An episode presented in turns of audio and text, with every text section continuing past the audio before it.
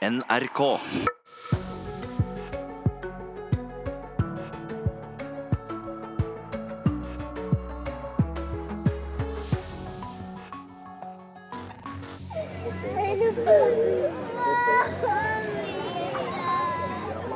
Dette er lydopptak fra en leir i Texas. Barna fra Mellom-Amerika ble tatt fra foreldrene sine i forrige uke etter at de tok seg ulovlig over grensen, og nå vekker den strenge politikken avsky i USA.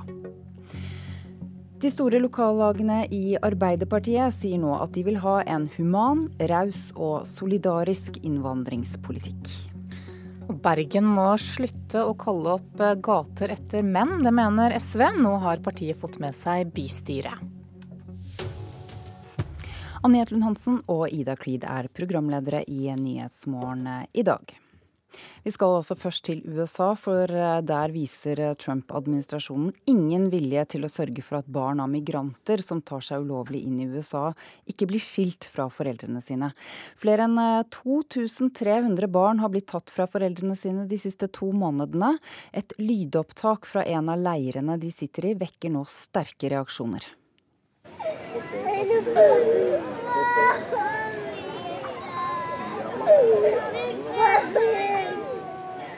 De roper på mamma og på pappa, men foreldrene deres er ikke der.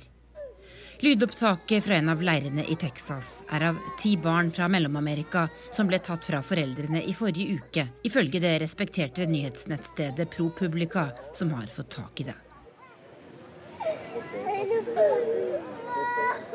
Mer enn 2300 barn sitter i slike leirer nå, mens foreldrene er i varetekt eller er blitt deportert tilbake til hjemlandene sine. I hovedsak Guatemala, El Salvador og Honduras. I lydopptaket sier en ansatt fra grensepolitiet på spansk Vi har et helt orkester her. Vi mangler bare en dirigent. De gråtende barna vekker ytterligere avsky her. Flere republikanske senatorer, som tidligere presidentkandidat John McCain, kaller separasjonspolitikken uverdig og ber Trump-administrasjonen avbryte den snarest. Men presidenten viste ingen vilje til det da han møtte pressen i går. Administrasjonen ønsker å vise at de mener alvor når det er blitt en forbrytelse å ta seg ulovlig over grensen. Trump vil at Kongressen skal vedta strengere immigrasjonslovgivning og bevilge penger til grensegjerdet han vil bygge. Immigration is the fault and all of the problems that we're having because we cannot get them to sign legislation. We cannot get them even to the negotiating table. Alle problemene vi har med innvandring er demokratenes feil. De nekter å stemme for nye lover.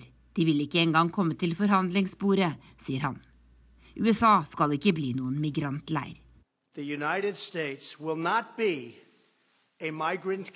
På pressebrifen i Det hvite huset i går ble minister for innenlands sikkerhet Kristen Nilsen konfrontert med lydopptaket av barna i leiren. Hun sa hun ikke hadde hørt det, men gjentok president Trumps argument.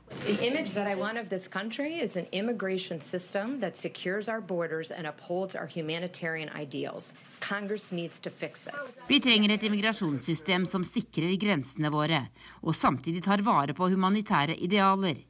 Kongressen må fikse dette, sier hun. Tove Bjørgaas, Washington. Vi skal hjem igjen og høre at Arbeiderpartiets eh, største fylkeslag vil ha en innvandrings- og integreringspolitikk som er det de kaller human, solidarisk, rettferdig og raus. Hovedstadens eh, fylkeslag har spilt inn forslag om en rausere behandling, særlig av barn og mindreårige. Det sier leder Frode Jacobsen i Oslo Arbeiderparti. I dag har du for mye bruk av, uh, av, midlertidig opphold. Uh, det er en utvikling vi er veldig skeptiske til, at barn og unge får, uh, får, livet sitt satt på vent. Og det handler også om hvilke kriterier som skal legges til grunn når du skal vurdere om man skal få opphold eller ikke. og der tror vi kanskje at noen flere bør få, få opphold, noe vi bl.a. så i diskusjonen rundt oktoberbarna. En mer liberal eh, innvandrings- og asylpolitikk? Jeg tror ikke det er riktig å kalle det mer liberal eller mer restriktiv. Den blir litt mer human øh, og litt mer rettferdig enn det, det mange, mange, føler. Eh, samtidig må jo Norge stå for en, en politikk på innvandringsfeltet som er bærekraftig over tid. Og i bærekraftig ligger begrensningene. En kan ikke ta imot alle. I januar varslet innvandringspolitisk talsperson Masud Gharahkhani i Arbeiderpartiet en strengere innvandringspolitikk. Han leder migrasjonsutvalget i Ap som senest i går diskuterte migrasjon, immigrasjon og integrering i sammenheng. Flere av de store fylkeslagene har sendt inn innspill til utvalget, men ingen av dem vi snakket med vil snakke om streng innvandringspolitikk. Trøndelag, Oslo, Hordaland, Akershus og Stanley Virak, som leder Rogaland Ap, er blant dem som vil ha raus, human og solidarisk asyl- og innvandringspolitikk. Ja, Vi mener det at vi har eh, anledning og råd til i dette landet å ha en integreringspolitikk som er raus, som gjør det, og at vi er med å hjelpe de som trenger det. Solidarisk, raus og rettferdig, hva betyr det i praksis? Vi skal vi gjør vår del av uh, den dugnaden som uh, den vestlige verden må gjøre. Uh, vi må ta imot flyktninger hos oss òg, sånn som andre land gjør. Men vi skal ha en skikkelig grundig behandling, og vi må være veldig nøye på at, at det er de som trenger Eh, vår beskyttelse som kommer, og ikke, og ikke at vi må åpne opp for, eh, for, de store bølgene for folk som, som kanskje kommer av andre grunner. Flere i Aps lag tar til orde for å bedre forholdene for mindreårige. Fylkesleder i Oslo Ap, Frode Jacobsen, vil være rausere mot noen av dem som søker norsk beskyttelse. Jeg tror hovedlinjene i innvandringspolitikken eh, kommer til å, å, ligge fast. Samtidig tror jeg det er viktig at vi også får synliggjort mer den humane biten av eh, asylpolitikken, og at det tar mer, litt mer hensyn til, eh, til, barn og unge enn det vi har, har sett de siste årene. Selvfølgelig. Vi kommer til å lytte til eh, alle innspillene som har kommet. og Det er et eh, stort engasjement. og Jeg er sikker på det at vi kommer til å komme frem til en eh, politikk som sørger for at vi tar våre internasjonale forpliktelser på alvor, og sørger for at vi har styring og kontroll på innvandringen. Ja, til slutt hørte du Masud Gharahkhani som leder Arbeiderpartiets migrasjonsutvalg. Reportere var Hedvig Bjørgum og Johan Settem. Og senere i dag skal Arbeiderpartiet oppsummere det siste stortingsåret, som jo ikke har vært bare lett. Og det skal vi snakke om eh, i Nyhetsmorgen etter klokken sju.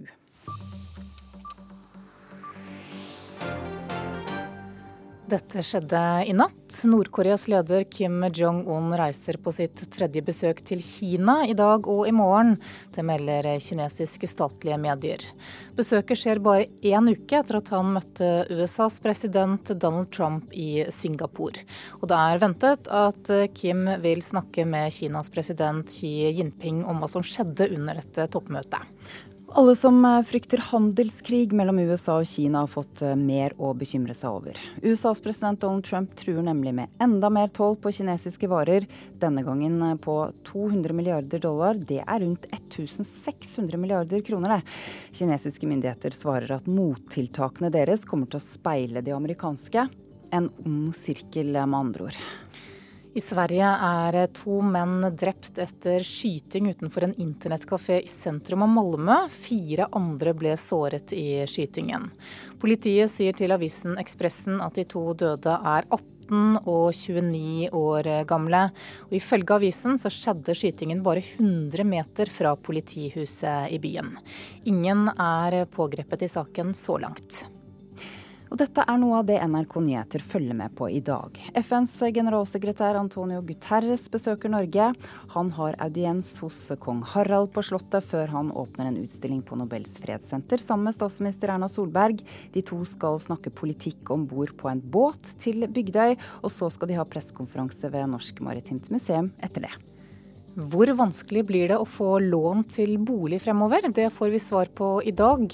Finansminister Siv Jensen har pressekonferanse om det som kalles boliglånsforskriften klokka 11.30 i formiddag.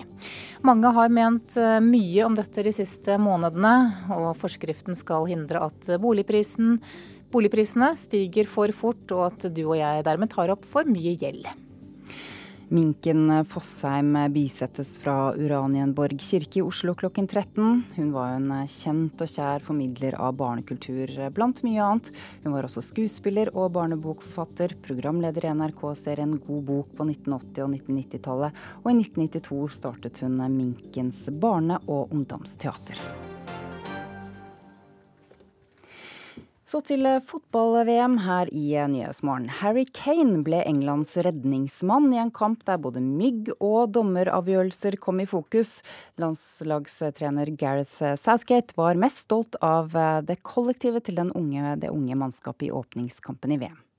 I think the collective, um, and not just the players that played. You know, with 23 players and a support staff who have been brilliant over the last three and a half weeks. So then so much emphasis goes on the first game that you want them to, to get the reward for that. And um, tonight we have. So we, we enjoy tonight because it's very difficult to win matches in a World Cup. And um, we played a, a, really strong opponent uh, who pushed us all the way. Um, but now we're in a good position to qualify, but we still have a lot of work to do. England-sjefen sier at de nå har satt seg i en god posisjon til avansement i VM, men at de fortsatt har en jobb å gjøre. Kaptein Harry Kane gjorde i alle fall jobben sin da han skåret to ganger mot Tunisia, det siste på overtid. Og der kommer hjørnesparket fra Trippier. Det nikkes frem og tilbake i mål! Og Kane gjør det igjen! Kane gjør det igjen! Fra kort, kort, kort, kort hold! Og Southgate var letta over at kapteinen hans skåra, ellers så ville han måtte svare for hvorfor han ikke skårer. Nå har han iallfall lagt den ballen død. Yeah, well, I'm pleased personally for him because if he didn't score tonight, I'd be answering questions about him not scoring in tournaments. So uh, he's he's put that to bed. Um, but I know he'll be more pleased that he's captain of a team that's won a game, won its opening game in a World Cup. Og kaptein og tomålsskårer Harry Kane var skikkelig stolt av innsatsen til hele laget. No, really proud, you know. Uh, we've done a lot of, lot of work on the training field. Uh, obviously, playing last, we've seen a lot of games, so we're just itching to play. And uh, like I say, was tough. The World Cup is, is, tough, especially the first game. Get the nerves out of the way, the excitement, and then we've got to try and play. And uh, I thought we've done really well, and uh, yeah, so proud of them. Reporter her var Marianne Komme Amengual. Klokken er 6.45. Det er Nyhetsmorgen du hører på. Dette er noen av de viktigste sakene nå. Alle som dør i trafikken bør obduseres, mener en ekspertgruppe. Hvorfor, lurer du kanskje på? Du får svaret litt senere i sendingen. Og gatenavn må kalles opp etter kvinner heretter, mener en SV-politiker i Bergen som får med seg bystyret. Luftambulansetjenesten i nord har jo vært i krise den siste tiden, og Lufttransport har slitt med mangel på flygere etter at de tapte anbudet for den videre driften av luftambulansen, som vi har hørt mye om i det siste. Nå sier hovedtillitsvalgt Øystein Sandnes at også flyteknikerne opplever fremtiden som veldig usikker. Vi føler jo eh, et veldig press, og vi press og usikkerhet på hva fremtida vil bringe. Det vet vi jo ikke noe om. og man håper jo man har jobb til neste år, men eh, det er jo ikke noe vi vet noe om. Noen, vi har jo ikke fått noen signaler noen veier. Flyteknikerne i LT Tech utfører teknisk vedlikehold på alle luftambulansefly. Nå ser sju av dem seg om etter annen jobb. Det blir veldig vanskelig å holde flyene i gang. Da har vi jo ikke nok teknikere til å ta og service dem. Så eh, vi er jo på flyene hver dag og tar eventuelle feil og tar sjekker på det. Sandnes sier det ikke har vært kontakt mellom teknikerne og Babcock, altså selskapet som skal overta luftambulansetjenesten neste sommer. Nei, vi har ikke hatt noe kontakt med Babcock og ikke hørt noe fra dem i det hele tatt. Du kan si en tekniker, Å utdanne en tekniker tar jo fra 67 år fra han starter til han er ferdig utdanna. Da er du en helt fersk tekniker. Ut på land, sånn som Kirkenes, Alta, Tromsø, Bodø, så trenger du eh, teknikere med erfaring. Erlend Olsen er direktør i LTTEC, selskapet som eies av Lufttransport, og som utfører alt teknisk vedlikehold på flyene. Han sier konsekvensene blir store dersom sju nå sier opp. Hvis syv flyteknikere har slutt, så kommer det til å bli uhåndterbart å holde ambulanseflyene i lufta. Nå har jeg klart det siste året å holde nesten samtlige teknikere på plass. Jeg har bedt folk om å ha litt is i magen. Men jeg tror det at hvis syv stykker hopper av nå, så kommer resten til å følge etter rimelig kjapt. Reporter Pål Hansen. Anne Jetlund Hansen, er det sånn at eh, det bare er menn som fortjener å få gater eh, kalt opp etter seg, eller? Tja, det er jo lett å få det inntrykket. En SV-politiker i Bergen, nemlig Odny Miljeteig fra SV altså, mener at gatenavn må kalles opp etter kvinner heretter. Dette er i Bergen, ikke sant Anne? Ja, men hun mener at dette også da gjelder i flere andre byer. Mm. Men denne uken så får hun et stort bystyreflertall i Bergen med på at kvinnenavn skal prioriteres når gatene i byen skal få navn fremover. I dag så må det nemlig passere mange store menn før du finner et skilt med kvinnenavn i Bergen sentrum. Lars Hilles gate. Rasmus Meyers allé, ja. Sjølsagt. Er det Kristins gate, da? Da er det vel. Så kommer vi vel da til Olav Kyrres gate, tenker jeg. Mann etter mann etter mann i våte bergenske sentrumsgater. Ole Bulls plass og Olav den femtes plass bakom der igjen. SV sin frontfigur i Bergen, Odny Miljeteig, har blitt med oss på ei vandring gatelangs i byen for å understreke poenget sitt. Herman, Herman Foss gate, ja, sjølsagt. Jon Lunds plass, ja. Ja, ikke vet jeg hvem han er, men men se, der ser vi et nytt skilt. Hans Holmbos gate, ja. Men denne veka vedtar et stort flertall i Bergen bystyre å gjøre noe med at de må gå langt for å finne gater oppkalt etter kvinner i Bergen. De neste åra er det kvinner som skal prioriteres når nye bergensgater skal få navn. Ja, Det får nå være måte på.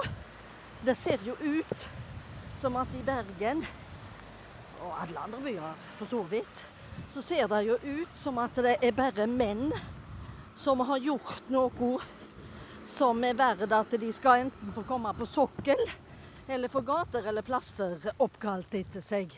Odny Militeig ville helst gått enda lenger. Hun hadde helst sett at en de kommende åra helt skulle slutte å kalle gater i Bergen opp etter menn. Med et lite undertak, vel å merke. Inntil det er kommet en rimelig andel kvinner og det er jo rett og slett for å være sikre på at eh, eh, damene nå får forrang i den perioden som trengs. Vi gjør et unntak for Frank Aarebrot. Det gjør vi med lett hjerte. Eh, men ellers så kan ikke vi se at det per nå er noen som gjør seg fortjente til å gå forbi noe som helst dame. Fremskrittspartiet er det eneste partiet i Bergen bystyre som ikke vil være med på Miljeteig sin kvinnedugnad. Det vi må vite, det er det at vi har en historie bak oss. Og da hadde vi en historie fordi at det var menn som dominerte for det meste. Og kvinnen hadde jo en annen rolle enn de har i dag og det er historiske navn. Og da er det selvfølgelig naturlig at det ble sånn. Gruppeleder for partiet Tor Voldseth mener det er tull å gjøre kjønn til et kriterium når bergensere og andre skal heidres. Det å ha kriterier for at det skal være kvinnenavn før en mann, det mener vi er feil. Det er den jobben og den innsatsen du gjør for byen som skal være det avgjørende om du får navnet ditt øh, på en gate i byen. Ikke om du er kvinne eller mann. Ja, her står det Edvard Griegs plass. Og det er ikke et damenavn. Til slutt ender vi opp med Grieghallen. Der det kanskje viktigste bysbarnet av de alle har fått sin plass. Men i ei lita sidegate like ved oppdager Miljeteig unntaket som stadfester regelen. Er det her ei gate? Nei, ikke dette. Dette er nå vel en gangvei, vet jeg. Det er nå ikke plass til en bil, sjøl ikke i Bergen. Nina Griegs gate 6, du. Det har jeg aldri sett. Nina Grieg var ikke bare kusine og ektefellen til mannen sin, men en anerkjent sopran. Du all styrelse, jammen var Nina Grieg her òg. Men hun er veldig vedhengt mannen, da, sant? Veldig. Og det var vel det som da måtte til for at en skulle få bli et gatedamenavn plassert midt i hjertet av Bergen. Og reporter her, det var Sølve Rydland.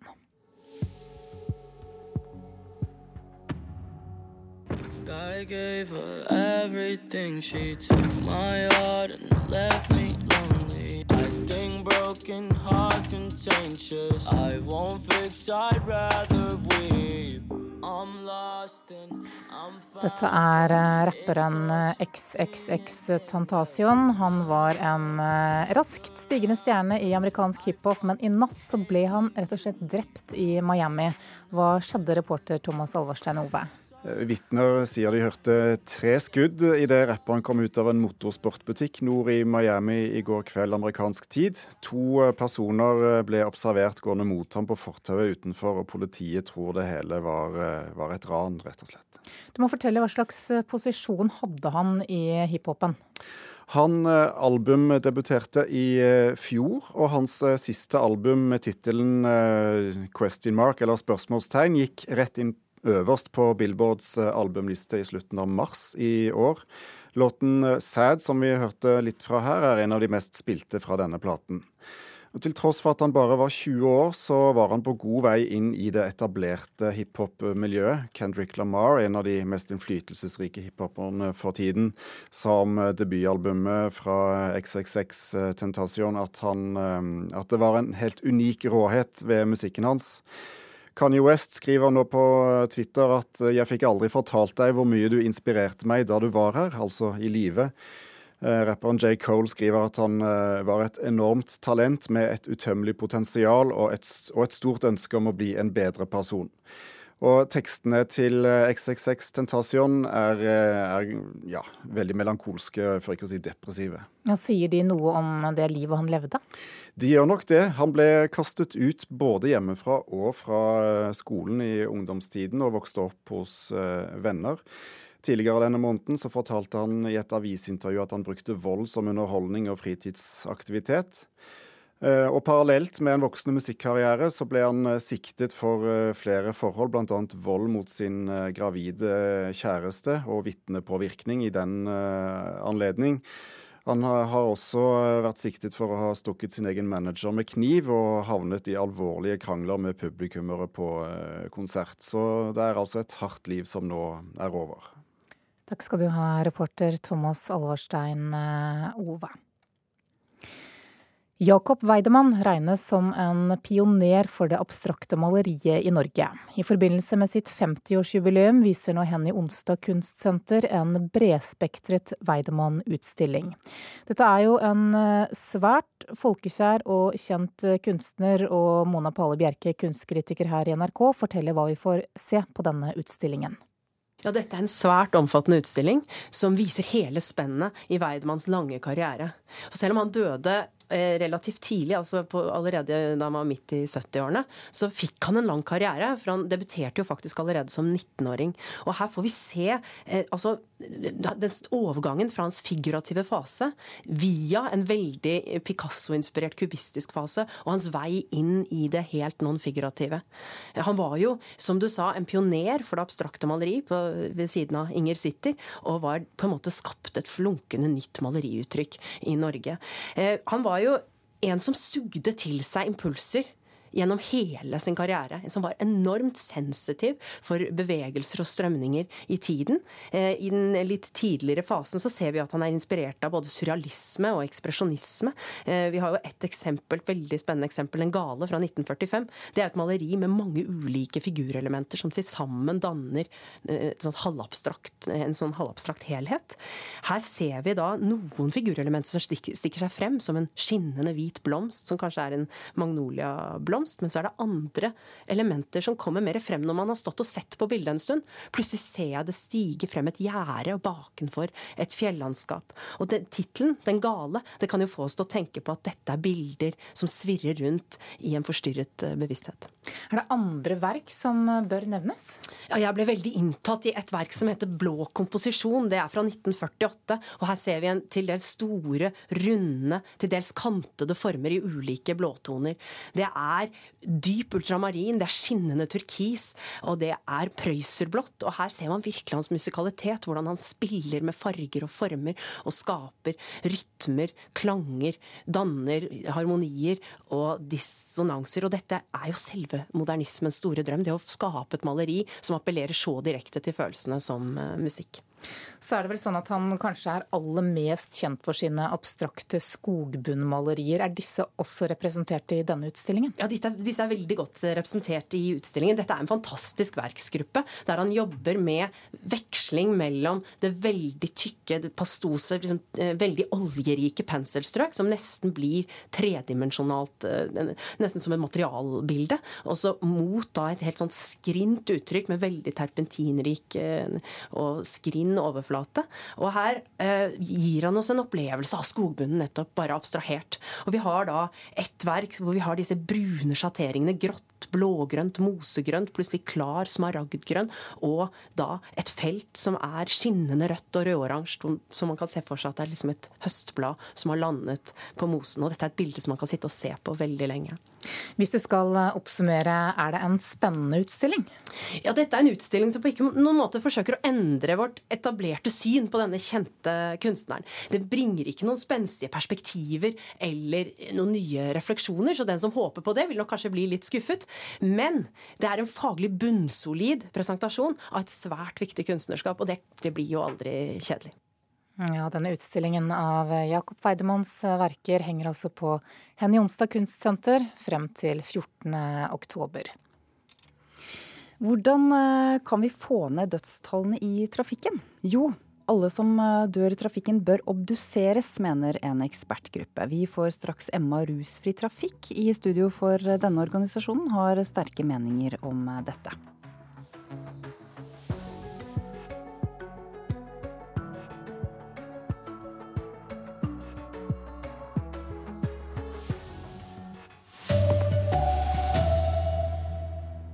Barn fra Mellom-Amerika ble tatt fra foreldrene i en leir i USA.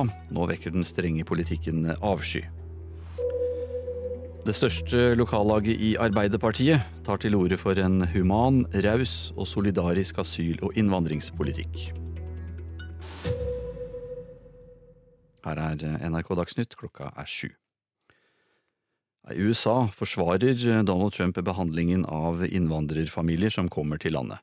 Et lydopptak fra en av leirene med barn som er skilt fra foreldrene sine, vekker sterke reaksjoner i USA.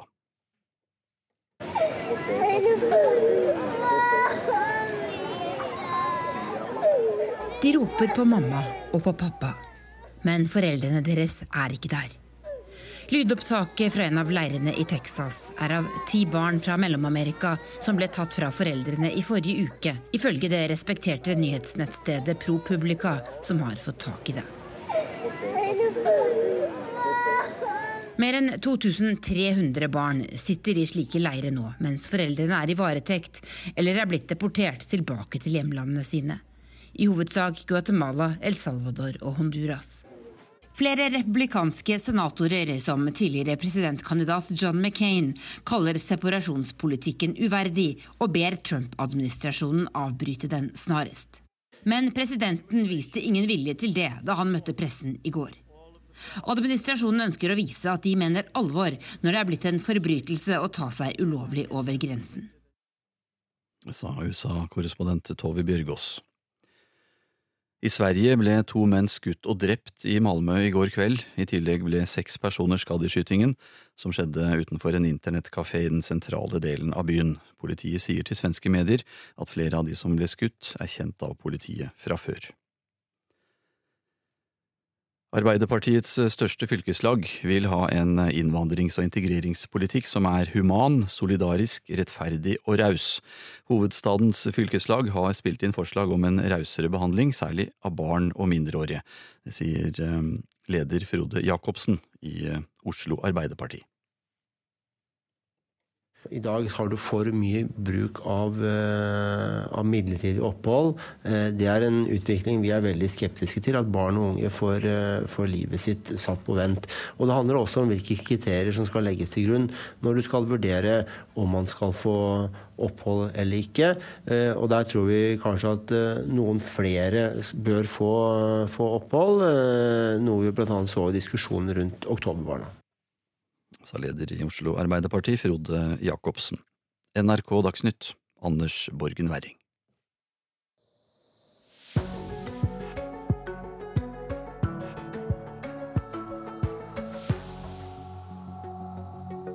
Macron besøker Merkel i dag. Vi skal prøve å gjette hva de skal snakke om. Arbeiderpartiet oppsummerer i dag det siste stortingsåret etter valgnederlaget i fjor høst. Vår politiske kommentator er på plass i studio. Guidene som jobber med brevandring på Nigardsbreen i Sogn og Fjordane, opplever ofte at droner flyr rett over hodene deres. Det vil de ha slutt på. Ja, Arbeiderpartiet oppsummerer altså i dag det siste stortingsåret etter valgnederlaget i fjor høst. Partiet erkjenner jo selv at partiet er inne i en veldig krevende periode. Politisk kommentator Magnus Takvam, hvordan vil du oppsummere de siste månedene for Arbeiderpartiet? Ja, det er klart Arbeiderpartiet har vel opplevd sin aller verste krise i tiden etter dette valgnederlaget. Eh, siden valgnederlaget i 2001, da partiet fikk 24% og ble etterfulgt av en intern maktkamp mellom Jagland og Stoltenberg denne gang, den gang.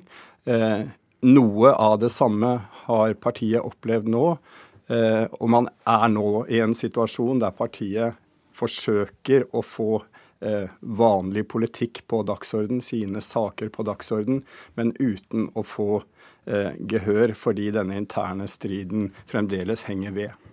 Ja, Du sier partiet forsøker å snakke om politikk og ikke om egne interne konflikter da, for å gjenvinne den uh, tapte tilliten. Men så langt uh, har de vel ikke lyktes. Hvorfor ikke det, tror du? Nei, For det første, som jeg sa, så, så, på, så blir uttalelsene sett i lys av den interne konflikten. Og det overskygger på en måte det politiske budskapet man har såpass mye at man ikke får noen skal vi si, tung dagsorden om de sakene Arbeiderpartiet vil løfte fram. Og så tror jeg, selv om det er enkelte unntak der man har fått Kristelig Folkeparti med på flertall for en del saker som har dratt politikken i Arbeiderpartiets retning, så er det i for stor grad eh, responspolitikk på regjeringens prosjekter som Arbeiderpartiet har drevet med. Det er naturlig for et opposisjonsparti. Eh, jeg mener Beredskapskritikken fra Riksrevisjonen, luftambulanse og slike ting.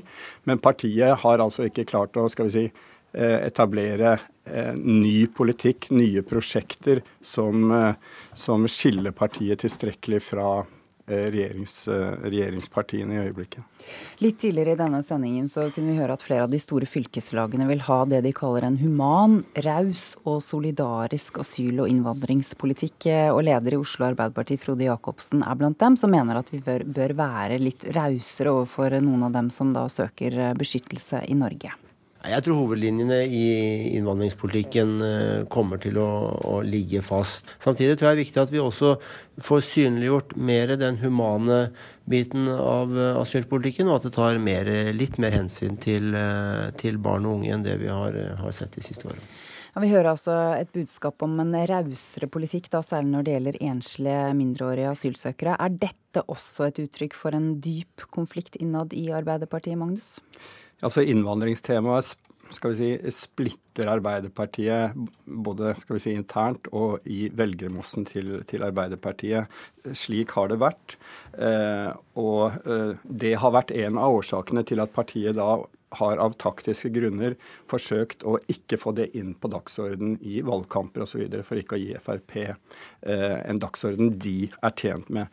Eh, en av skal vi si, oppsummeringene etter valgnederlaget var at det må man slutte med. Dette er noe folk er opptatt av, og ble gitt i valgundersøkelsen som en av de viktigste grunnene da innvandringstema for at folk eh, ikke stemte på Arbeiderpartiet den spenningen vi hører her, den er en spenning som knytter seg til det at i de store byene så er det ofte slik at Arbeiderpartiet i disse byene er opptatt av det aspektet ved, ved dette feltet som handler om inkludering, integrering.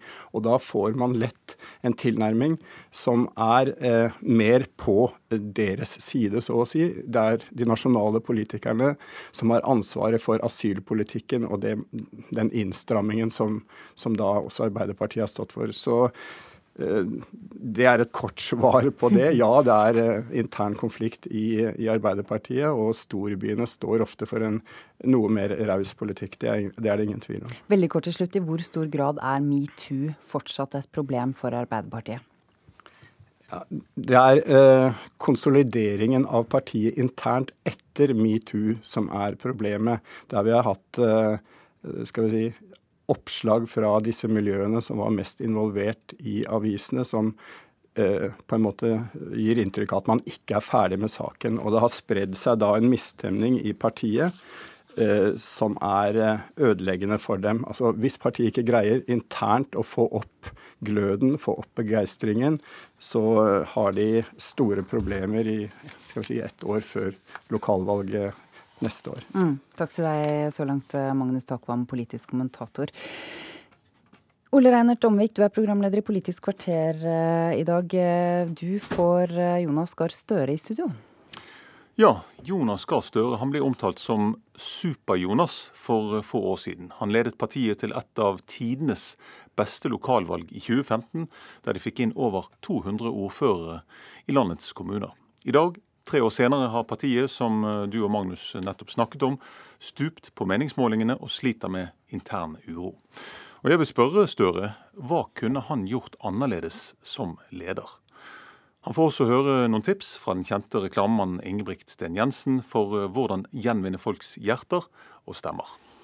I Politisk kvarter om litt over en halvtime klokken 7.45.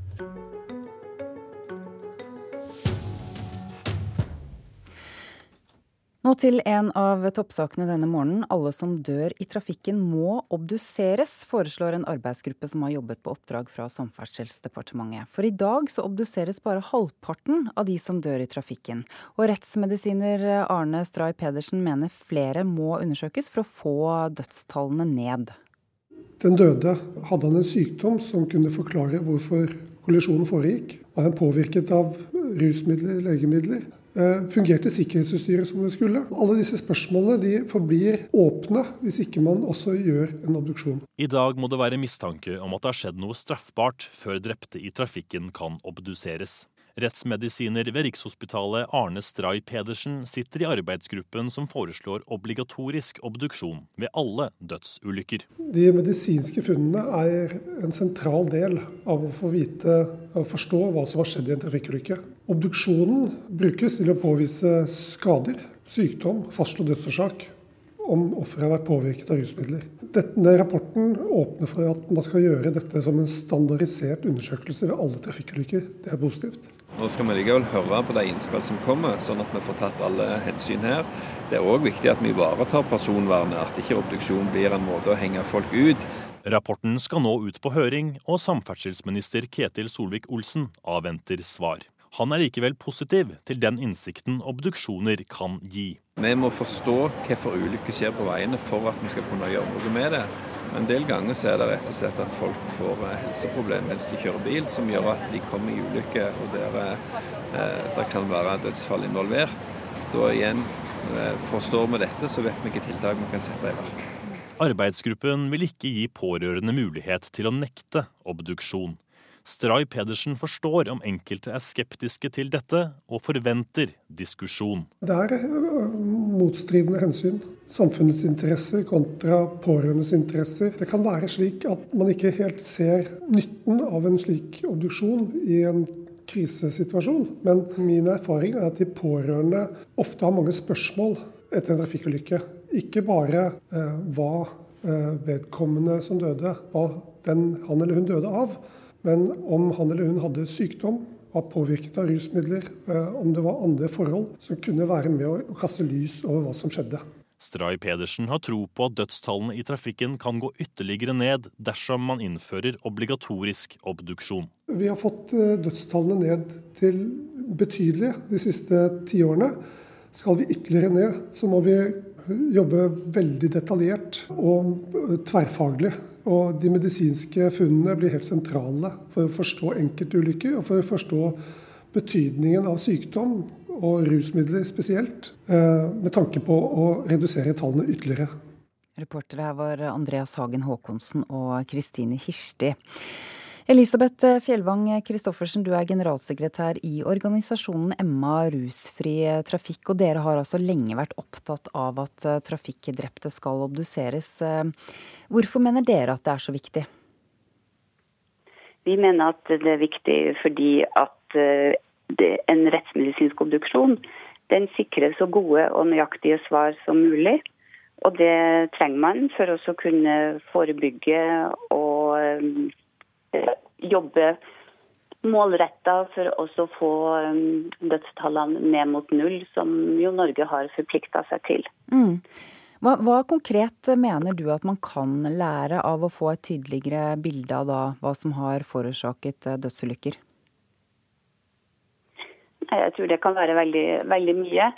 Eh, vi jobber jo spesielt eh, mot rus i trafikken. Og i og med at så få har blitt obdusert hittil, så er den statistikken til dels mangelfull. Og sannsynligvis ikke helt riktig. Det offisielle tallet på antall, antall ulykker der rus er hovedårsaken, er per i dag på 21 eh, mens f.eks. Folkehelseinstituttet anslår eh, det reelle tallet til å være rundt 30% Og Det å få nøyaktig eh, tall er viktig. Mm. Og det er også viktig for, for, pårørende, mener vi, å få vite mest mulig og få best mulig informasjon om hva som har skjedd. Mm. Eh, hvilke tiltak eh, trengs da mot eh, kjøring i ruspåvirket tilstand? Altså jeg tror det at Hvis man nå skal få ned dødstallene i trafikken ytterligere, også de hardt skadde, så må man sette i verk forsterka tiltak. Hvilke tiltak tenker du på da? Ja, du må si Det er viktig. Politikontroller og forebyggende arbeid er kjempeviktig. Men også tiltak som økt bruk av alkolås f.eks. Mm. Så hvordan syns du arbeidet mot eh, nettopp dette da har vært eh, over tid? Vi som frivillig organisasjon er alltid utålmodige etter å få iverksatt det som vi mener vil eh, gjøre en forskjell.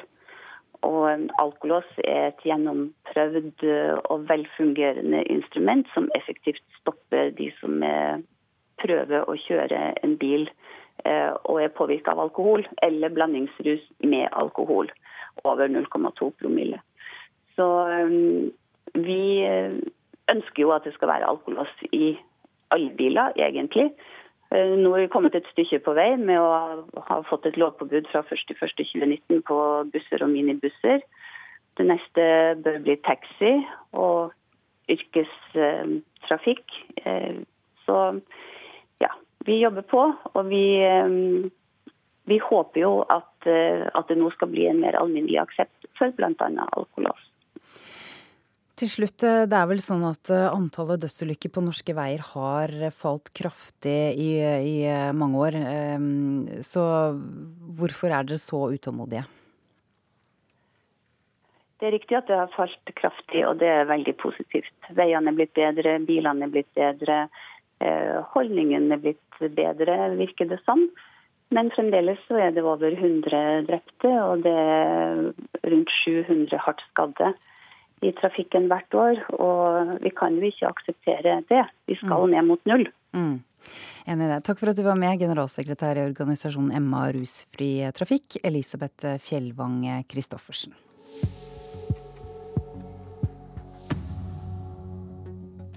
Klokken har blitt 16 eh, minutter over sju. Det er Nyhetsmorgen du hører på med disse hovedsakene. Barn fra Mellom-Amerika ble tatt fra foreldrene i en leir eh, og satt i en leir i Texas i USA, og nå vekker den strenge politikken avsky i eh, USA. Lokallag i Arbeiderpartiet vil ha en human, raus og solidarisk asyl- og innvandringspolitikk. I dag kommer eh, Frankrikes president eh, Emmanuel Macron til eh, Tyskland for å møte forbundskansler Angela Merkel utenfor Berlin. Også finansministrene, forsvarsministrene og utenriksministrene fra de to landene er med på dette møtet. Korrespondent Guri Nordstrøm i Berlin, hva er det tyskerne og franskmennene skal snakke om, vet vi det?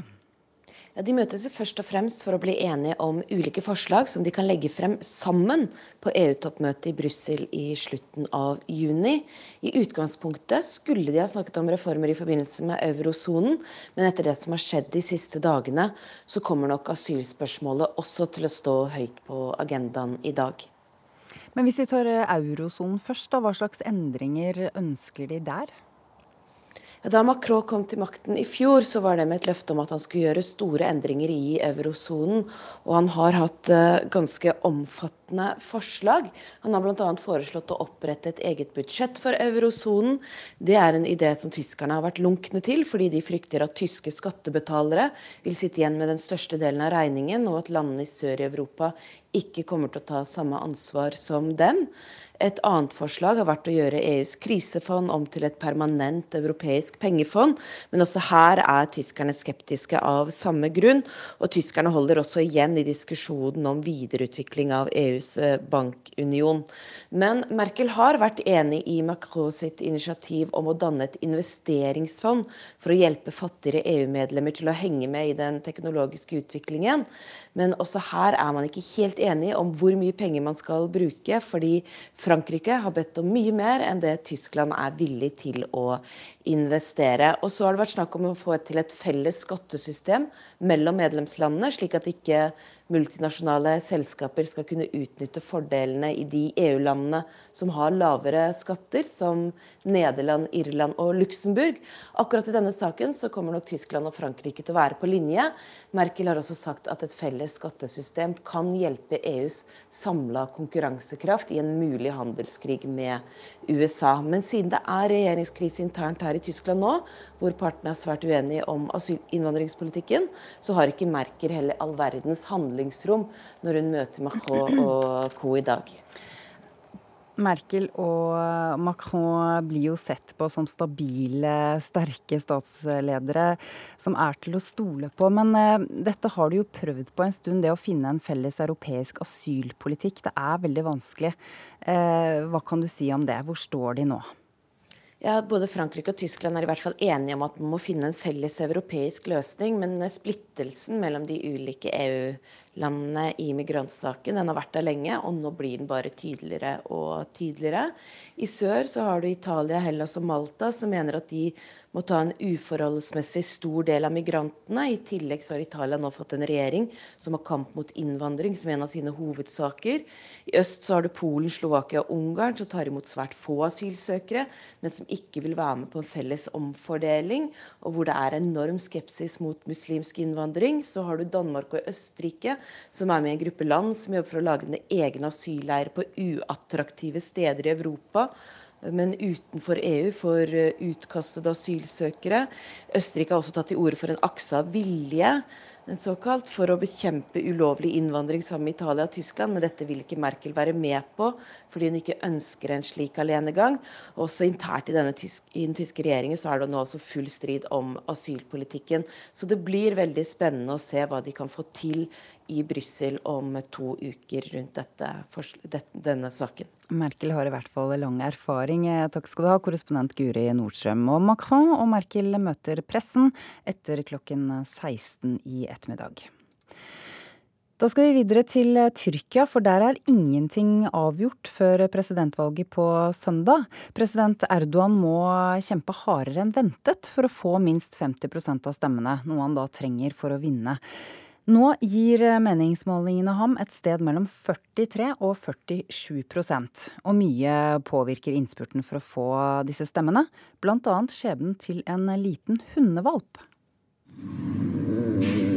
Den ligger og ser på oss med triste, spørrende øyne, en liten svart hundevalp.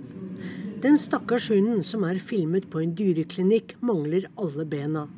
Valpen ble funnet medtatt i skogen med ben og poter skåret over. Ved siden av hunden, som ligger på et stellebord, står veterinær Brekto Chifchi. Han mener at noen sannsynligvis kuttet valpens ben av med en øks eller lignende. Mishandlingen av den lille tassen har opprørt millioner av tyrkere. På opptaket fra helgen sier veterinær Chifchi hei. Vedrørende den uheldige valpen alle bekymrer seg for, kan jeg si at bandasjene hans ble skiftet i kveld. Og han har fått mat og vann, sier veterinæren ved Istanbul Hayvan Hastanesi, Istanbul dyresykehus, der valpen ble hasteoperert. Men valpen døde like etterpå. Og nå krever dyreelskere og dyrevernere og folk flest at gjerningsmannen spores opp og straffes. En mann som opererte en anleggsmaskin i nærheten, ble mistenkt. Saken gikk rett inn i den spennende presidentvalgkampen, der president Recep Tayyip Erdogan slett ikke kan ta for gitt at han vinner om fem dager. Nå har han involvert seg i valpens skjebne og død. Én ting er svært viktig her. Som dere vet ble en maskinist arrestert i dag Saken er helt uakseptabel, sa Erdogan på et massemøte i Istanbul. Presidenten lover nå å styrke landets dyrevernlover. Dyr er ikke bare ting, de er levende vesener, sa han. Heller ikke Erdogans fremste motstander Moharem Inje fra opposisjonspartiet CHP lot valpens skjebne ligge. Personen som har begått dette overgrepet skal ikke slippe unna. Skam deg, skrev han på Twitter. Men ikke bare valper påvirker valginnspurten. Det gjør også tyrkernes yndlingssport, fotball. For det vakte stor oppsikt da den kjente fotballklubben Fenerbahçe nylig valgte ny president. I 20 år har Aziz Yildirim styrt Fenerbahçe med myndig hånd, og ingen trodde at denne mektige fotballpresidenten kunne avsettes. Men så skjedde det. Den sekulære forretningsmannen Ali Koch fra Tyrkias rikeste familie slo ut den sittende Fenerbahçe-presidenten med stort flertall. Som vi vet er også president Erdogan mer enn normalt fotballinteressert, siden han var en aktiv fotballspiller i sine yngre dager. At Fenerbahçe er Erdogans yndlingslag, gjør ikke saken mindre delikat. For nå sier folk at om dette skiftet kan skje i Erdogans fotballklubb, Kanskje det kan skje i presidentvalget også? Erdogans fremste utfordrer, Maharem Inje, gratulerte Ali Koch for å bringe endring i Fenerbahçe på Twitter, og skrev videre. Og nå er tiden inne for å bringe endring i Tyrkia også. Sissel Wold, Istanbul. Vi skal hjem igjen og høre at guidene som jobber med brevandring på Nigardsbreen i Sogn og Fjordane, opplever oftere og oftere at droner flyr rett over hodene deres. Det er helt uten folkevett å holde på på den måten, mener Statens naturoppsyn. Det er ikke forbud mot å fly drone i dette området, men likevel bryter mange reglene ved å fly for nærme folk, sier brevfører Steinar Bruheim. Det har blitt mer og mer eh, privat eh, droneflyging i området eh, rundt og på Nigasbreen. Det er uheldig. og De turistene vi har med oss på tur oppe på isen, de reagerer negativt på det. Steinar Bruheim er daglig leder i Jostedalen breførerlag. De siste åra har han og de andre guidene opplevd at stadig flere turister sender droner opp over breen og gjerne rett over alle turistene som står nedenfor breen eller over taulaga på vei opp isen. For det første så er det forstyrrende. Uh, vi går opp på, på isen og flusser får med en, uh, en drone rett over hodet på oss. Og så har det òg noe med personvern å gjøre for de som er med på, på tur. De har ikke gitt noe samtykke til å, til å bli filma på den måten uh, der. Og så er det òg Noen ting er jo at droner kan ramle ned. Vi hadde jo en drone som ramla ned oppe på, på Bre nå i fjor sommer. Ja, Trefte ikke noen? Heldigvis trefte ikke noen. Den landa vel litt på ei høll hølle i fjellsida attmed breen. Men det er jo en viss risiko når det er kraftige vinder, så ofte det er oppe på, på breen. En av de som fløy drone over breen i fjor og la ut på YouTube, er Taimur Kureshi. Han forteller til NRK at han prøvde å ikke sjenere andre som var der, og at han holdt seg vekke fra folk. Det er strenge regler for hvor en kan fly drone. Grunnreglene for amatører er at du ikke skal fly drone nærere folk og trafikk enn 150 meter, aldri over 120 meter over bakken, og du skal alltid kunne se dronen. I tillegg er det forbudssone rundt flyplasser. I mange nasjonalparker er det også ulovlig å fly gjennom verneforskriftene for parken.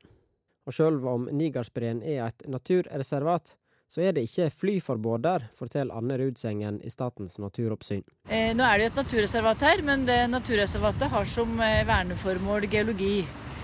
Og eh, ut fra det er det da uh, ikke mulig å, å, hindre drone.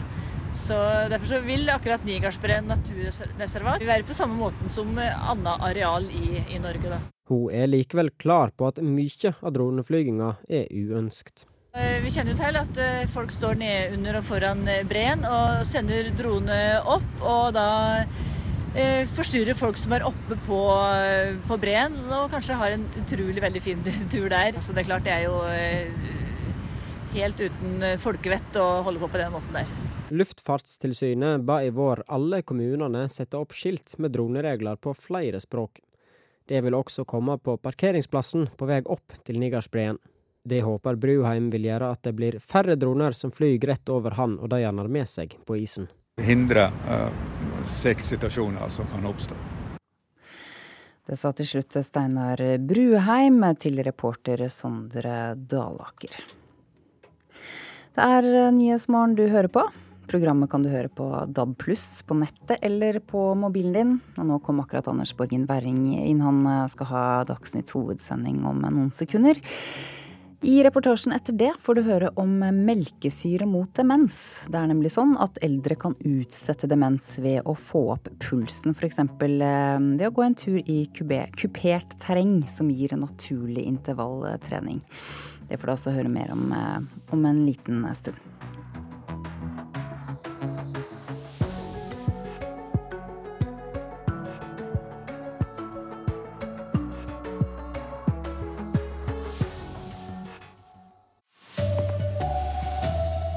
Alle som dør i trafikken bør obduseres, mener en ekspertgruppe. Gråtende barn fra Mellom-Amerika som er satt i leire i USA, vekker avsky. Da er det på tide at gater får kvinnenavn, ifølge en SV-politiker. Her er NRK Dagsnytt, klokka er 7.30. Alle som dør i trafikken må obduseres. Det foreslår en arbeidsgruppe som har jobbet på oppdrag fra Samferdselsdepartementet. I dag obduseres bare halvparten av de døde. Rettsmedisiner Arne Stray Pedersen mener flere må undersøkes for å få ned dødstallene i trafikken. Den døde hadde han en sykdom som kunne forklare hvorfor kollisjonen foregikk. Var han påvirket av rusmidler, legemidler? Eh, fungerte sikkerhetsutstyret som det skulle? Alle disse spørsmålene de forblir åpne hvis ikke man også gjør en obduksjon. I dag må det være mistanke om at det har skjedd noe straffbart før drepte i trafikken kan obduseres. Rettsmedisiner ved Rikshospitalet Arne Stray Pedersen sitter i arbeidsgruppen som foreslår obligatorisk obduksjon ved alle dødsulykker. De medisinske funnene er en sentral del av å få vite og forstå hva som har skjedd i en trafikkulykke. Obduksjonen brukes til å påvise skader, sykdom, fastslå dødsårsak om offeret har vært påvirket av rusmidler. Denne rapporten åpner for at man skal gjøre dette som en standardisert undersøkelse ved alle trafikkulykker. Det er positivt. Rapporten skal nå ut på høring, og samferdselsminister Ketil Solvik-Olsen avventer svar. Han er likevel positiv til den innsikten obduksjoner kan gi. Vi må forstå hvorfor ulykker skjer på veiene for at vi skal kunne gjøre noe med det. En del ganger så er det rett og slett at folk får eh, helseproblemer mens de kjører bil, som gjør at de kommer i ulykker og der eh, det kan være dødsfall involvert. Da igjen, eh, forstår vi dette, så vet vi hvilke tiltak vi kan sette i verk.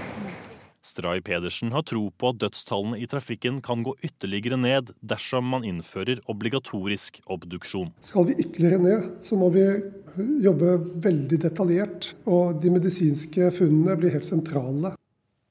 I fjor mistet 107 mennesker livet på norske veier. Reportere her Andreas Hagen Haakonsen og Kristine Hirsti.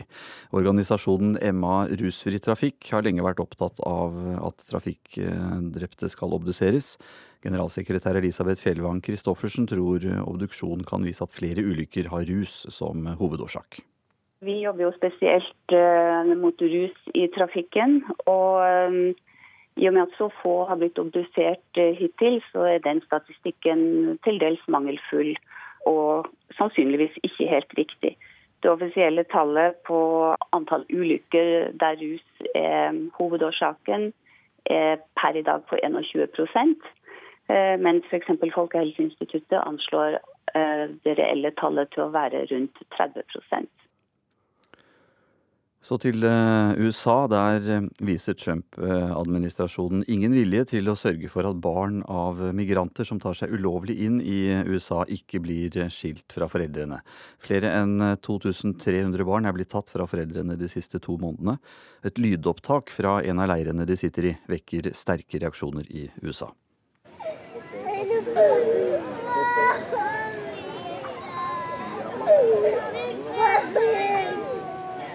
De roper på mamma og på pappa, men foreldrene deres er ikke der. Lydopptaket fra en av leirene i Texas er av ti barn fra Mellom-Amerika som ble tatt fra foreldrene i forrige uke, ifølge det respekterte nyhetsnettstedet ProPublica, som har fått tak i det. Mer enn 2300 barn sitter i slike leirer nå, mens foreldrene er i varetekt eller er blitt deportert tilbake til hjemlandene sine. I hovedsak Guatemala, El Salvador og Honduras. De gråtende barna vekker ytterligere avsky her. Flere republikanske senatorer, som tidligere presidentkandidat John McCain, kaller separasjonspolitikken uverdig og ber Trump-administrasjonen avbryte den snarest. Men presidenten viste ingen vilje til det da han møtte pressen i går. Administrasjonen ønsker å vise at de mener alvor når det er blitt en forbrytelse å ta seg ulovlig over grensen. Trump vil at Kongressen skal vedta strengere immigrasjonslovgivning og bevilge penger til grensegjerdet han vil bygge. Immigration is the fault and all of the problems that we're having because we cannot get them to sign legislation. We cannot get them even to the negotiating. Alle problemene vi har med innvandring er demokratenes feil. De nekter å stemme for nye lover. De vil ikke engang komme til forhandlingsbordet, sier han. Tove Bjørgaas, Washington. Arbeiderpartiets eh, største fylkeslag vil ha en eh, innvandrings- og integreringspolitikk som er human, solidarisk, rettferdig og raus. Hovedstadens eh, fylkeslag har spilt inn forslag om en rausere behandling, særlig av barn og mindreårige. Det sier leder Frode Jacobsen i Oslo Arbeiderparti. Ja, det ligger i det jeg sier, at den også må være raus uh, i forhold til særlig barn og unge. Og, og, gi de muligheten til å starte et nytt liv her raskere enn det vi ser i dag, når mange får livene sine satt på det. Og i bærekraftig ligger begrensningene. En kan ikke ta imot alle. Jeg tror ikke det er riktig å kalle det mer liberal eller mer restriktiv. Den blir litt mer human øh, og litt mer rettferdig enn det, det mange, mange, føler. Eh, samtidig må jo Norge stå for en, øh, en politikk på innvandringsfeltet som er bærekraftig over tid. Lederen for Arbeiderpartiets migrasjonsutvalg, Masud Gharahkhani, har varslet en strengere innvandringspolitikk. Han har fått flere innspill fra de største fylkeslagene, men ingen av dem vi snakket med, vil snakke om en streng innvandringspolitikk. Trøndelag, Oslo, Hordaland og Rogaland med leder Stanley Wirak er blant dem som vil ha raus, human og solidarisk asyl- og innvandringspolitikk. Vi har uh, anledning og råd til i dette landet å ha en eh, integreringspolitikk som er raus, som gjør det, og at vi er med å hjelpe de som trenger det. Flere tar til orde for å bedre forholdene for mindreårige barn, og utvalgsleder Gharahkhani er glad for alle innspill, sier han. Og jeg er sikker på det at vi kommer til å komme frem til en eh, politikk som sørger for at uh, sosialdemokratiet tar de ansvaret man har på alvor, nettopp å sørge for at vi tar våre internasjonale forpliktelser på alvor, og sørge for at vi har styring og kontroll på innvandringen. Reporter Hedvig Bjørgum. I Sverige ble to menn skutt og drept i Malmö i går kveld. I tillegg ble seks personer skadd i skytingen, som skjedde utenfor en internettkafé i den sentrale delen av byen. Politiet sier til svenske medier at flere av de som ble skutt, er kjent av politiet fra før. Så til eh, fotball-VM. Harry, Harry Kane ble Englands redningsmann i lagets åpningskamp i går. England vant til slutt 2-1 over Tunisia, og Kane satte inn vinnermålet på overtid. Det nikkes frem og tilbake i mål, og Kane gjør det igjen! Kane gjør det igjen! Fra kort, kort, kort, kort hold! Kaptein og tomålsskårer Harry Kane var skikkelig stolt av innsatsen til hele laget. No, really proud, you know. Uh, we've done a lot of, lot of work on the training field. The World Cup is, is tough, especially the first game. Uh, yeah, so proud of them. Reporter eh, Marianne Kvam Amangual. Og du kan eh, følge alle VM-kampene i fotball direkte i radiokanalen eh, NRK Sport, eller se dem på NRK1 og TV 2. Bergen bør slutte å oppkalle gater etter menn, det mener Odny Miljeteig i SV. Denne uka får hun med seg et stort bystyreflertall på at kvinnenavn skal prioriteres når gater skal få navn. Og i dag må en passere mange store menn før en finner et skilt med kvinnenavn i Bergen sentrum. Lars Hilles gate. Rasmus Meyers allé, ja. Sjølsagt. Mann etter mann etter mann i våte bergenske sentrumsgater. SV sin frontfigur i Bergen, Odny Miljeteig, har blitt med oss på ei vandring gatelangs i byen for å understreke poenget sitt. Herman, Herman Foss gate, ja. Sjølsagt. Men denne veka vedtar et stort flertall i Bergen bystyre å gjøre noe med at de må gå langt for å finne gater oppkalt etter kvinner i Bergen. De neste åra er det kvinner som skal prioriteres når nye bergensgater skal få navn. Ja, Det får nå være måte på. Det ser jo ut som at i Bergen, og alle andre byer for så vidt, så ser det jo ut som at det er bare menn som har gjort noe som er verdt at de skal enten få komme på sokkel, eller få gater eller plasser oppkalt etter seg. Fremskrittspartiet er det eneste partiet i Bergen bystyre som ikke vil være med på Miljeteig sin kvinnedugnad. Det vi må vite, det er det at vi har en historie bak oss. Og da hadde vi en historie fordi at det var menn som dominerte for det meste. Og kvinnen hadde jo en annen rolle enn de har i dag. Og det er historiske navn. Og da er det selvfølgelig naturlig at det ble sånn. Ja, reporter eh, her, det var eh, Sølve Rydland. I dag er det Anne Skårseth som har ansvaret for eh, NRK Dagsnytt. Jeg heter Anders Borgen Werring.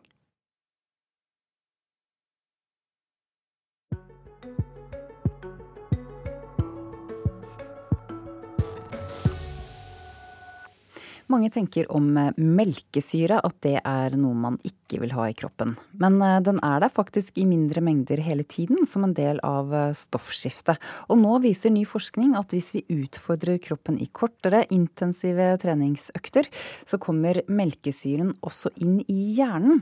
Og der bidrar den til at det blir dannet nye blodårer og nye nerveceller. Og det er jo bra. Eldre mennesker kan f.eks. nå utsette demensen, eller sånn har det jo vært alltid. Vi har bare ikke vist så mye om det. Eldre mennesker kan altså utsette demensen eh, ved å få opp pulsen og pusten, f.eks. Eh, på en tur i kupert skogsterreng, som gir naturlig intervalltrening. Den gode effekten til å trene hardt gjelder også yngre mennesker. Men her handler det om effekten som treninga har på den mentale helsa til eldre. Å ta i så det monner har Ingjerd Sørensen på 85 god erfaring med, og hun blir ikke engstelig om hun blir skikkelig andpust når hun og venninnegjengen er på skogstur. Nei, vi bruker ikke å stoppe. Vi, vi pleier å bare sakte ned farta. Og ikke stoppe opp da. Nå er damene oppvarma. Nå skal vi sjekke demensen her. Når er du født, Ingar? Jeg er født 23.2.33. Ja, Personnummer det får du ikke. Nei, men du, Det er godkjent som test. ja, ble godkjent, ja. Skulle ja. bare mangle. Ja. Du verden, altså. 85 år, bare fyk opp bakken. Ja, men det er trening som skal til. Ja, Ingerd gjør akkurat det riktige, sier Linda Bergersen. Hun er professor i nevrobiologi for aldring ved Det medisinske fakultet i København, og også professor i fysiologi ved Det odontologiske fakultet ved Universitetet i Oslo. Langtidsstudier viser jo at eh, godt voksne folk eh, får en bedre hukommelse av å være fysisk aktiv. Hva er det som skjer rent fysiologisk da, for at det skjer? Vi vet at det dannes nye nerveceller, så det kan være grunnen til det. Og vi vet at de nervecellene som allerede er der, de styrkes. Og vi vet at det dannes nye blodårer i hjernen, slik at de nervecellene som er der, blir bedre ernært. Og det ny forskning viser, er at melkesyra i blodet er nøkkelen til at dette skjer. Melkesyre er til stede i blodet hele tida som en naturlig del av stoffskiftet, men mengden øker ved hard fysisk aktivitet der pulsen og pusten blir satt på prøve. Når melkesyra når et visst nivå, så klarer den å passere en terskel der den kommer inn i hjernen, og spesielt i tinninglappen, der senteret for hukommelse og stedssans ligger. Trening kan dermed utsette demens hos eldre, men det her er forutsetninga, sier forskeren professor Linda Bergersen. Pulsen må opp. Og jo dårligere form du er i, jo lettere får jo denne pulsen opp. Sånn at det, jeg må kanskje i en fryktelig bratt bakke for å få pulsen opp. Mens jeg vet ikke hvordan det er med deg. Du er kanskje i dårlig form, så du holder å gå en litt slak bakke for å få høy puls. En annen ting er du godt overvektig, så skal det lite til for å få høy puls. Så det vil jo variere, men pulsen må opp. Og Ingerd hun er opptatt av å holde aktiviteten oppe. Det er trening som skal til. Og så holde det ved like. Ikke tenke som så ja, nå er jeg trena, så kan jeg sette, sette, sette meg i, i resten av uka i en stol. Men er du bevisst på det, Inger, at du skal, at du skal trene for å bli gammel? Nei, for å ha det godt når jeg lever. Ja. ja at jeg kan bevege meg og, og være ute i natur og i skogen og gå på byen og hva som helst. For hvis man holder seg i form, så kan man jo makte alt det. Reporter i dette innslaget var Harald Reitan.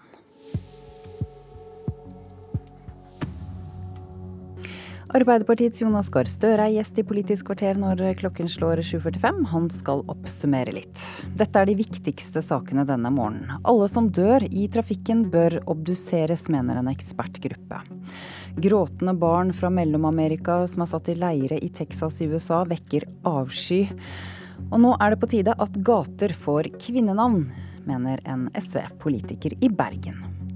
Det er eh, Ole Reinert Omvik som er programleder i Politisk kvarter nå.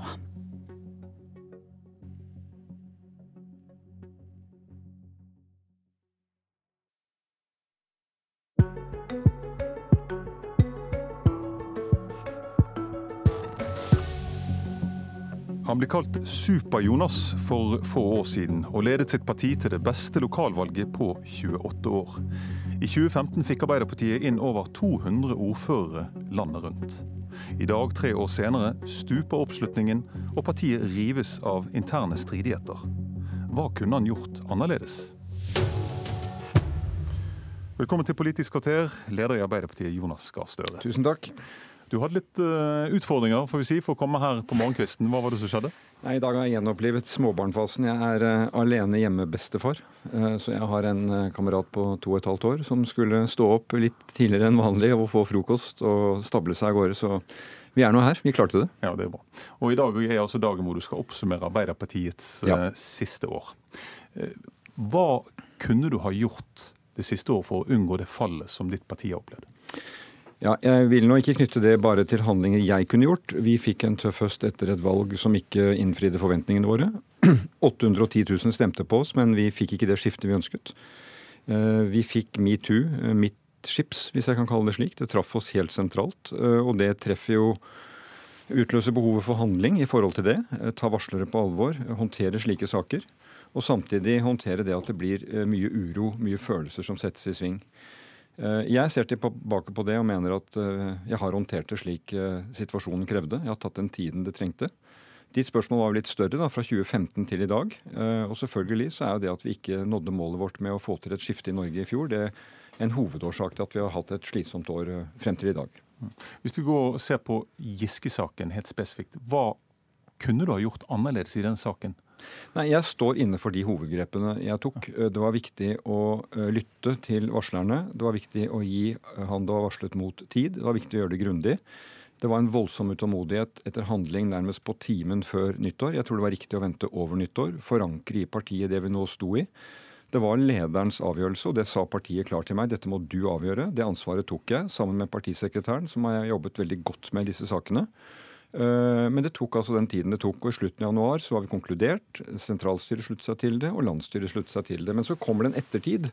Og det er de følelsene som er. Og jeg opplever at vi har jobbet for å håndtere dem. Nå er det viktig å si ved denne sommeravslutningen at eh, nok er nok. Dette har vi nå bak oss, og det er det veldig klare meldingen jeg får fra hele partiet også.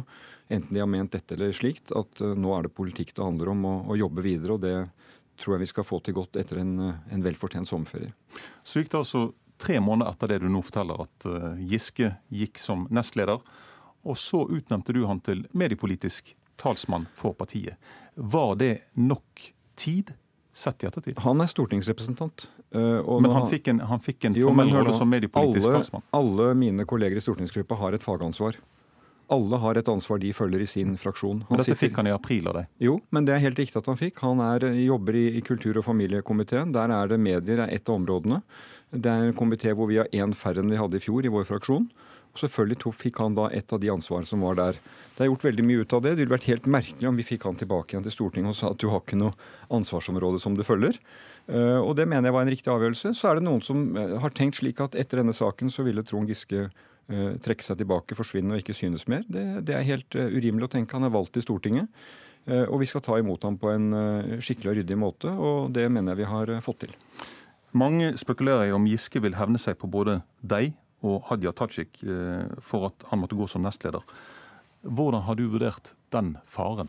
Så dette er et mediebilde av spill og hevn og utspill. Jeg ser det på en litt annen måte fra innsiden av et parti. Vi har våre regler, våre ordensregler, våre regler mot trakassering. Hvis de brytes, så må de håndteres, behandles, og så må vi ta ansvaret for det. Det viktige for meg har vært å sagt at jeg som leder kan lede den prosessen, men så må vi alle ta ansvar rundt det. Dette er ikke en enkeltperson som kan skru av og på brytere. Jeg tror vi kommer til å få en utvikling i partiet hvor de sterke følelsene med etter hvert vil legge seg. Jeg tror det er på vei til å skje. Det er et veldig klart budskap. Jeg var i Trøndelag Arbeiderparti i helgen sammen med dem. Veldig klart budskap. Nå jobber vi med politikk. Og så får vi håndtere de hva skal jeg si, spenningen spenningene, engasjementet, ulike følelsene som er på kryss og tvers i et stort parti, eh, knyttet til geografi, syn på politikk. Men jeg holder fast ved at som det var i fjor før valget, så er vi et parti som har veldig stor bred oppslutning om hovedlinjene i politikken. Og det er det vi altså må bruke kreftene våre på nå. Nå er faktisk partiet og de velgerne som har stemt på oss, viktigere enn enkeltpersoners markeringer. Du, du nevner Trøndelag. Der fikk du også høre at det er flere av eh, partimedlemmene som vurderer å trekke seg og ikke være med videre. Hva gjør du med den? Og den saken, den situasjonen har vi hørt i andre eh, partilag også, at, at folk vurderer å trekke seg. Jo, men Nå er det ved inngangen til nominasjonsprosess til kommunevalg. I Trøndelag har noen sittet der i veldig mange år, tatt stort ansvar. De har ennå ikke bestemt seg, eh, de sentrale personene. Jeg håper de blir med videre, for det er veldig erfarne og dyktige folk. Men i inngangen til en nominasjonsprosess i et så stort parti, som er så mange steder, så er det klart at noen gjør seg de vurderingene, og da har vi andre som kan ta lederroller. Vi er et parti med, hvor det gror godt også nedenfra. Et annet tema, men det handler fortsatt om, om deg som leder Støre.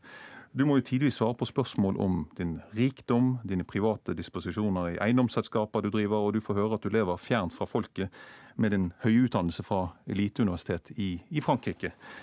Hva syns du om dette?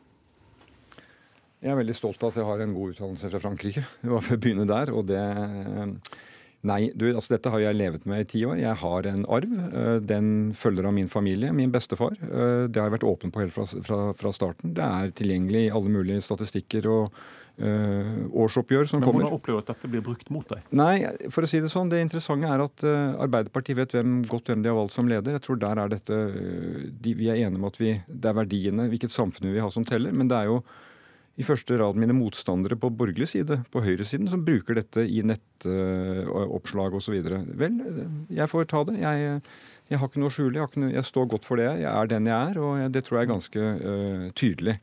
Uh, og det må være nære folk. Vel, jeg tror det er få som reiser så mye rundt i landet som jeg gjør. Jeg lytter til folk, sitter ned med dem og uh, skjøtter da det vervet jeg har som leder. Og det er en stor opplevelse, og jeg, det gleder meg faktisk hver dag, selv om det er oppslag som jeg kunne godt tenkt meg annerledes. Mm. Vil du snakke politikk? Veldig gjerne. Senere i dag skal du legge fram en liste med både seire og tap for eh, Arbeiderpartiet fra året som eh, gikk. Et kjent partimedlem har sittet på sidelinjen og gjort sin eh, egen, analyse. og Det er reklamemannen Ingebrigt Sten Jensen, som i helgen fortalte Klassekampen om hans ti bud for Arbeiderpartiet. Og her er to av dem. Hei, Jonas. Jeg er jo, som du vet, på ditt parti. Men jeg er litt kritisk til noe av det dere har kjørt fram av politiske saker i det siste. Og på hjemmesida di står det at det er helse, det er utdanning, og det er klima. Og det er, Jonas dritkjedelig! Altså, det er utrolig viktig, men, men, men, hvor er den politikken som du kan tenne hjertene med på de områdene der det er så konsensuspreget, alle er enig. Det er vanskelig å komme med noe nytt! Vi må komme med noe nytt! Og da har jeg to forslag, Jonas, til noe nytt. Det er ikke så svære forslag, men de er små, men kanskje viktige. Boligpolitikk. Ingen prater om boligpolitikk. Det er helt utrolig. Sosial boligbygging det med gamle der, under Gerhardsen og så Bratteli og sånn. Da vi var små og heia på Arbeiderpartiet allerede. Du må, du må kjøre fram det, for det, det, det er egentlig totalt i strid med alt Arbeiderpartiet står for. At en bolig for ungdom skal være forbeholdt dem som har rike foreldre. Jeg driver og spæler som rakkeren til ungene mine for at de skal få kjøpt seg leilighet. For det må jeg, for de klarer har ikke sjans til å gjøre det på egen lønn. Der er det et viktig samfunnsområde som er totalt neglisjert i politikken nå, sånn som jeg opplever det. Der hører Arbeiderpartiet hjemme. Og så tannhelse. Tannhelse for de gamle. Jonas, ta det bredeste smil og si dette fortjener alle mennesker å ha en tanngard som ser bra ut. Kanskje er det for lite, kanskje er det akkurat passe hvis du har en haug med svære saker sånn for øvrig. Vi kan ikke snakke om begge forslagene til Sten Jensen her, men så statlig betalt tannlegeregning det får vi ta en, en annen gang. Men hva syns du om å gjeninnføre den sosiale boligpolitikken? Altså, dette er jo fantastisk herlig engasjement. Men la meg bare begynne et, et sted med Ingebrigt hvor jeg er dønn uenig med han. Ja. Han sier at det er drit kjedelig, og alle er enige om helse eh, og utdanning. Det er det ikke. Eh, altså, Vi har nå en stor strid stående om alle skal ha rett til pensjon fra første krone. Én million nordmenn får ikke det. Vi foreslår det. Det er ikke kjedelig. Det har med dine velferdsrettigheter å gjøre. Skal vi privatisere, kommersialisere sykehus, helsevesen, skape forskjeller? Det er dønn viktig hvordan samfunnet utvikler seg. Ingebrigt Sten Jensen tar feil. Under de overskriftene er det veldig viktige saker som vi kjører fram. Så til bolig.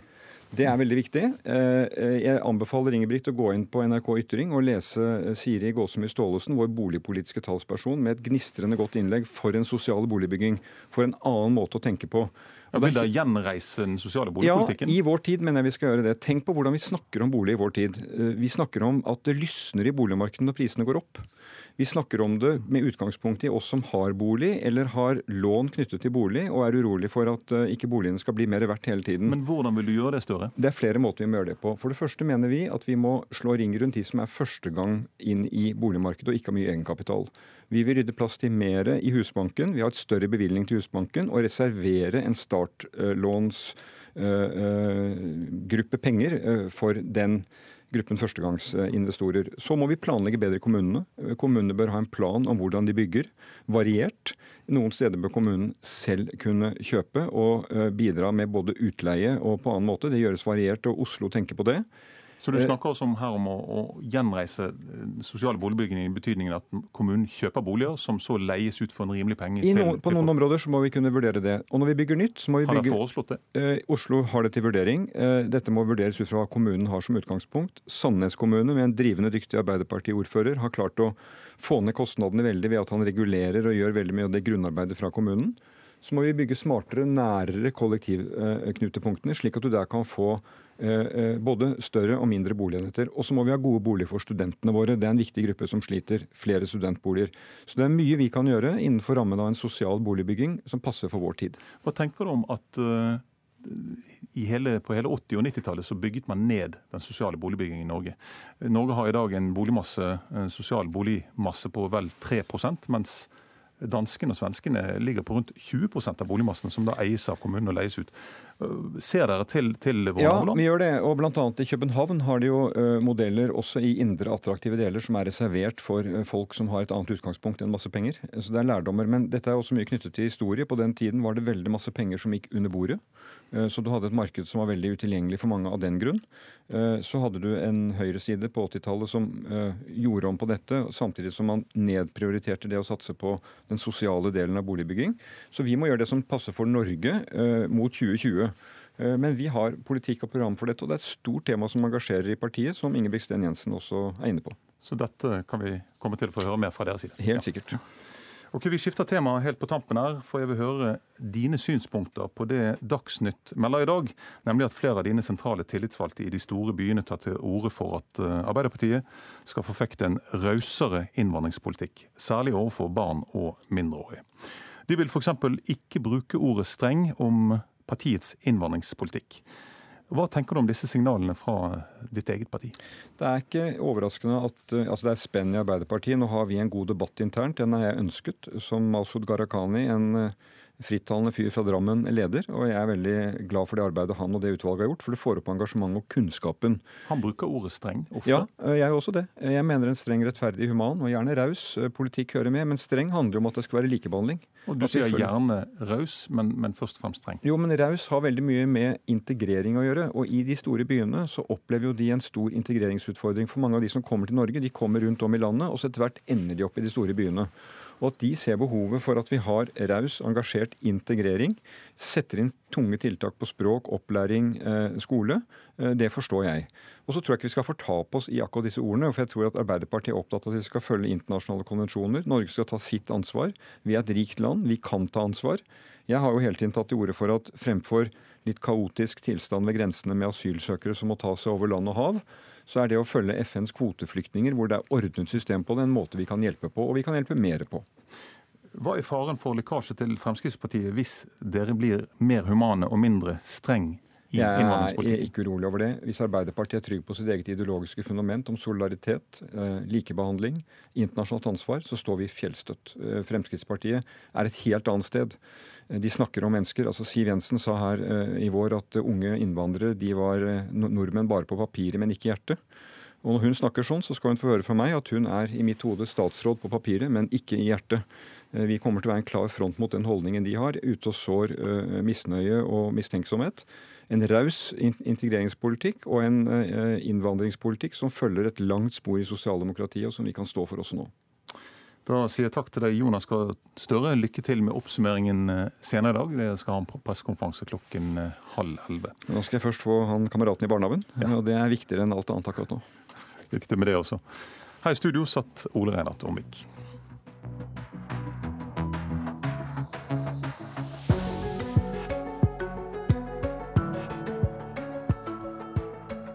NRK.